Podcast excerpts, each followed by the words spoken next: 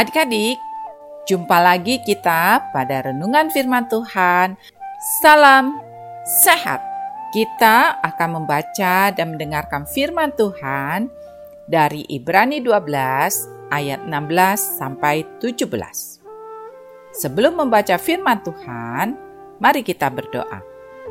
Bapa di surga, kami bersyukur dan berterima kasih atas berkat dan anugerah-Mu bagi kami setiap hari.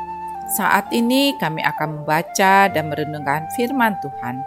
Ajari kami untuk dapat mengerti. Terlebih lagi kami bisa melakukannya dalam hidup kami. Dalam nama Tuhan Yesus kami berdoa. Amin.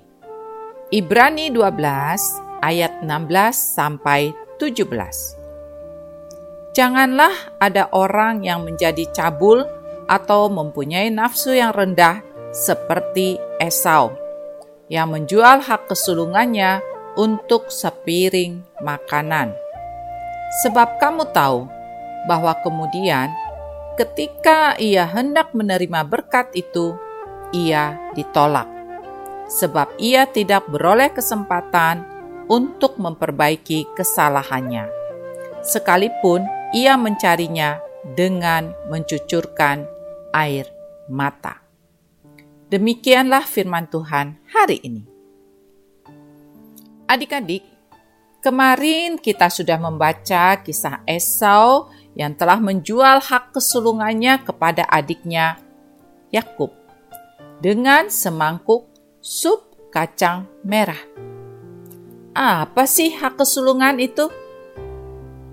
Yuk, kita bahas sama-sama ya. Israel dan budaya lain di negara bagian timur kuno memberi kehormatan dan hak istimewa bagi putra sulung setiap keluarga.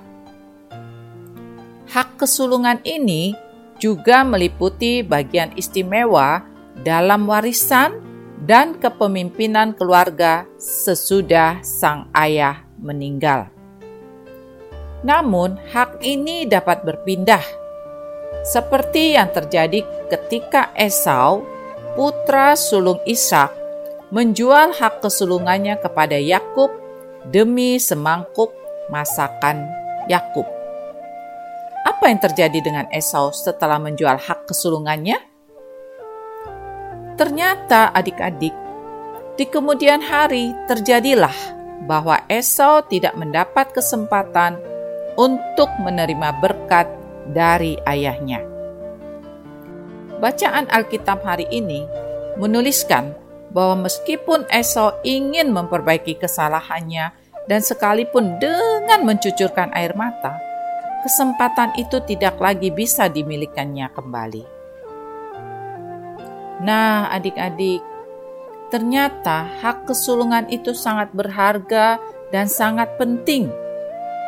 Tuhanlah yang memberikannya karena Tuhanlah yang berkuasa menentukan kita sebagai anak sulung atau anak bungsu. Tuhan mau kita menjadi anak yang bersyukur. Bagaimana dengan adik-adik? Apakah kita pernah tidak menghargai pemberian Tuhan dalam hidup kita? Kita tidak bersyukur karena kita menjadi anak sulung atau anak bungsu. Anak bungsu atau adik sudah seharusnya menghormati anak sulung sang kakak. Meskipun tidak berarti yang sulung mempunyai segala hak. Orang tua kita tidak pilih kasih. Semua dicintai oleh orang tua kita.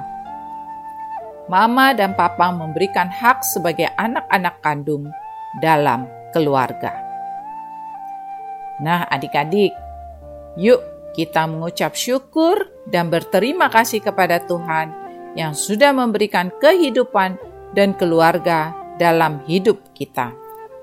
Kita sebagai anak sulung atau anak bungsu, kita mau terus bersyukur dan bersuka cita atas berkat Tuhan bagi kita. Kita mau terus menghargai pemberian Tuhan dalam hidup dan keluarga kita sehingga kita dapat berkata, "Aku menghargai pemberian Tuhan." Mari adik-adik kita berdoa. Bapa di surga, kami mohon ampun jikalau kami tidak menghargai pemberian Tuhan. Ajar kami untuk selalu bersyukur dan berterima kasih. Terima kasih ya Tuhan. Dalam nama Tuhan Yesus, amin. Demikian renungan kita hari ini. Sampai berjumpa lagi adik-adik. Tuhan Yesus memberkati.